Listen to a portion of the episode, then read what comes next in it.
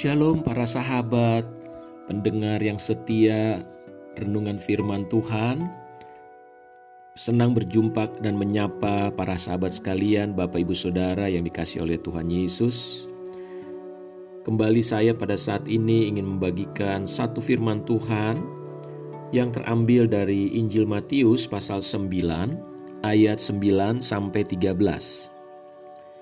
Setelah Yesus pergi dari situ, ia melihat seorang yang bernama Matius duduk di rumah cukai, lalu ia berkata kepadanya, "Ikutlah aku."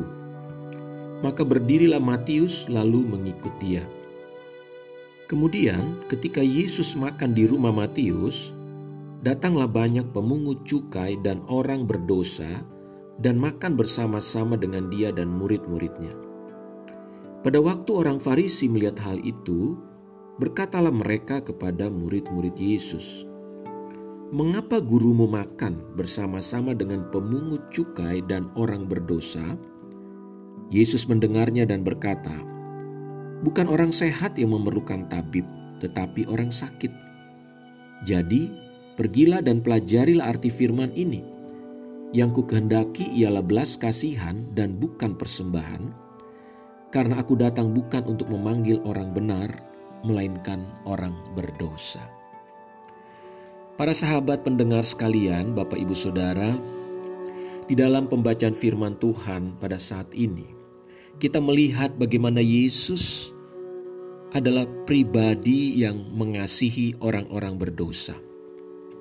Di dalam masyarakat sering kali ada orang-orang yang disebut sebagai orang-orang kriminalitas, atau mereka disebut para penjahatkah atau para pelacur, koruptor, atau kelompok-kelompok yang digolongkan dalam tanda kutip sebagai para pendosa. Mereka biasanya tidak disukai oleh masyarakat, bahkan khususnya oleh orang-orang yang merasa dirinya sebagai orang yang suci atau orang-orang yang rohani. Tetapi apa yang kita lihat di dalam firman Tuhan pada saat ini, Yesus justru mendatangi mereka. Matius adalah seorang pemungut cukai. Dan sebagai pemungut cukai, sering kali dia melakukan tugasnya dengan cara yang tidak benar, di mana dia mungkin melakukan pemerasan, melakukan penarikan cukai atau pajak secara berlebihan atau dia memaksa orang dengan cara kekerasan, bahkan juga mungkin dia korupsi terhadap pajak tersebut. Sehingga masyarakat mengatakan bahwa mereka termasuk kelompok pendosa. Namun Tuhan Yesus justru mendatangi Matius dan berkata kepada Matius, "Ikutlah aku." Kenapa Yesus mengajak Matius? Karena Yesus juga sangat peduli dengan orang-orang yang berdosa Bahkan justru kedatangan Yesus ke dunia ini adalah untuk menyelamatkan orang-orang yang berdosa seperti Matius ini, saudara. Namun, berapa banyak kita sering kali justru menghindari orang-orang seperti Matius ini. Kita sering berkata kepada sesama kita, "Jangan dekat-dekat orang seperti itu ya." Hati-hati ya dengan orang-orang yang seperti itu. Mereka orang jahat, mereka penipu, mereka adalah orang-orang yang harus diwaspadai, dicurigai, dan sebagainya. Tahukah Bapak Ibu Saudara, bahwa Yesus berkata, bukan orang sehat yang memerlukan tabib atau dokter, tetapi orang sakit. Orang-orang seperti Matius adalah orang-orang yang sakit secara rohani. Mereka lah justru yang membutuhkan anugerah, kasih, pengampunan dari Tuhan. Orang-orang seperti itulah justru yang membutuhkan kabar baik, berita tentang keselamatan, berita tentang pengampunan Kristus. Namun, bagaimana mereka akan mendengarnya dari anak-anak Tuhan? Jikalau anak-anak Tuhan, bahkan pekerja-pekerja Kristus, cenderung menghindari orang-orang seperti itu, bahkan cenderung untuk mengucilkan, menolak untuk bertemu dengan mereka.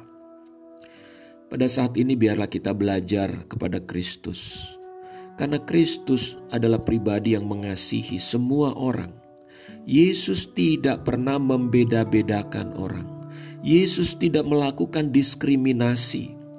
Entahkah orang itu orang jahat, entahkah dia koruptor, pencuri, pelacur, atau mungkin seorang pegawai, seorang pengusaha, seorang uh, pejabat tinggi pemerintah. Bagi Yesus, mereka sama saja. Semua orang membutuhkan kasih dari Tuhan. Semua orang membutuhkan pengampunan dari Tuhan.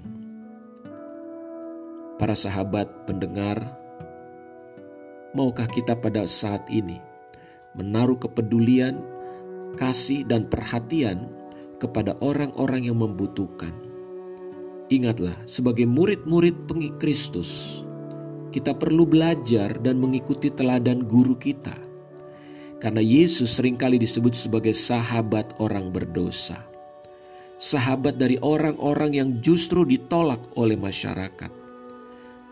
Maukah kita sebagai umat Tuhan lebih perhatian dan peduli?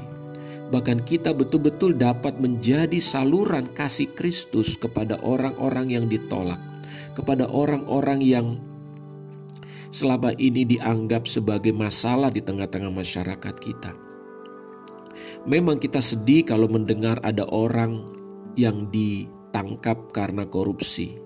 Atau misalnya kita mendengar ada artis yang dipanggil polisi karena baru saja eh, ketahuan ada video porno. Bagaimana respon kita terhadap orang-orang tersebut? Apakah kita akan mencemooh? Apakah kita akan menghina, mencibir mereka? Atau sebaliknya, kita mau berkat, kita mau melakukan hal yang seperti Yesus lakukan. Kita mendatangi mereka dan berkata, "Mari ikutlah Yesus." Mari ikutlah aku kan aku adalah pengikut Kristus.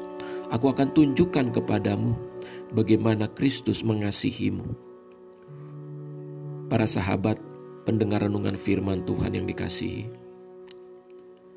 Ini adalah waktu dan kesempatan bagi setiap kita untuk menyatakan Kristus di tengah-tengah dunia ini.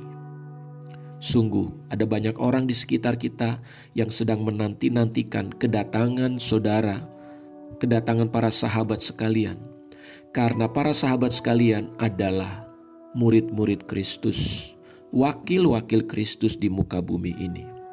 Ingat, guru kita adalah sahabat orang berdosa, dan Dia memanggil orang ber, orang berdosa, bukan orang yang benar. Tuhan Yesus memberkati. Mari kita berdoa.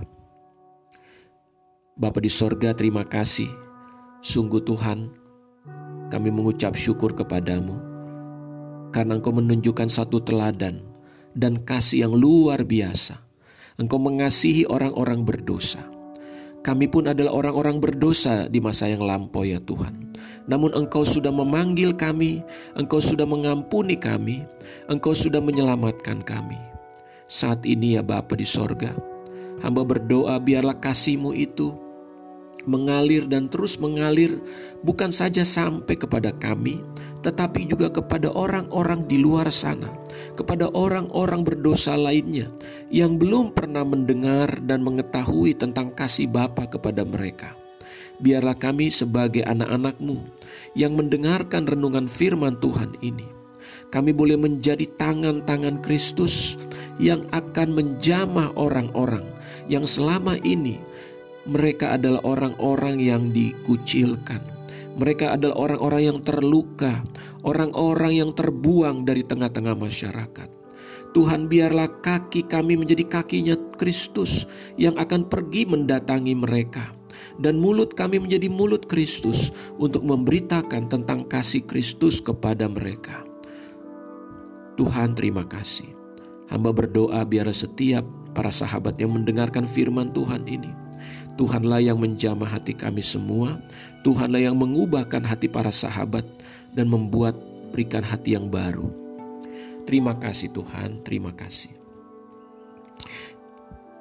Para sahabat sekalian, jikalau ada di antara para sahabat yang hari ini merasa sebagai Matius yang membutuhkan kasih Tuhan, biarlah para sahabat membuka hati kepada Kristus dan ketahuilah bahwa Kristus mengasihi para sahabat. Kristus tidak menghukum engkau karena dosa-dosamu. Justru Kristus datang untuk mengampuni dosa-dosamu. Seberapa besar pun dosa para sahabat, mungkin para sahabat selama ini merasa satu beban mental karena engkau merasa tertuduh atas dosa-dosamu. Tapi datanglah kepada Kristus saat ini. Bukalah hatimu, dia sungguh mengasihi engkau. Seberapa besar pun dosamu, sekalipun dosamu merah seperti kirmizi. Tetapi ketahuilah, Tuhan Yesus sudah mati di atas kayu salib 2000 tahun yang lalu untuk mengampuni, untuk menyucikan dan membersihkan dirimu dari segala dosa-dosa dan kotoran-kotoran dunia ini. Katakan bahwa engkau percaya kepada Kristus dan engkau mau menerima Kristus sebagai Tuhan dan Juru Selamat dalam hidupmu. Saya akan berdoa bagi para sahabat. Tuhan biarlah Tuhan menjamah hati para sahabatku yang sedang mendengarkan renungan firman ini dan mereka selama ini bergumul dengan dosa mereka. Mereka selama ini terbeban dengan dosa-dosa mereka. Biarlah pada saat ini kasihmu Tuhan yang sudah tercurah 2000 tahun yang lalu di atas kayu salib. Kasih itulah yang mengampuni mereka dan memberikan kepada mereka hidup yang baru. Terima kasih Tuhan, kami percaya Engkau sudah mengampuni mereka. Mereka percaya kepada Kristus, para sahabatku menerima Kristus dalam hidup mereka. Terima kasih, terima kasih Bapa. Di dalam nama Tuhan Yesus Kristus, kami berdoa dan mengucap syukur. Amin. Puji Tuhan, para sahabat pendengar renungan firman Tuhan. Percayalah, kasih Tuhan selalu mengalir dan terus mengalir tidak pernah berhenti. Hari ini adalah hari yang Tuhan tentukan bagi para sahabat untuk menerima anugerah yang besar itu biarlah kiranya para sahabat masuk ke dalam kasih karunia Tuhan itu. Tuhan Yesus memberkati, jikalau renungan firman ini menjadi berkat bagi para sahabat, mari bagikan ini share kepada teman-teman, orang-orang di luar sana, teman-temanmu, keluargamu yang mungkin membutuhkan berita tentang Kristus bagi hidup mereka. Tuhan Yesus memberkati. Shalom.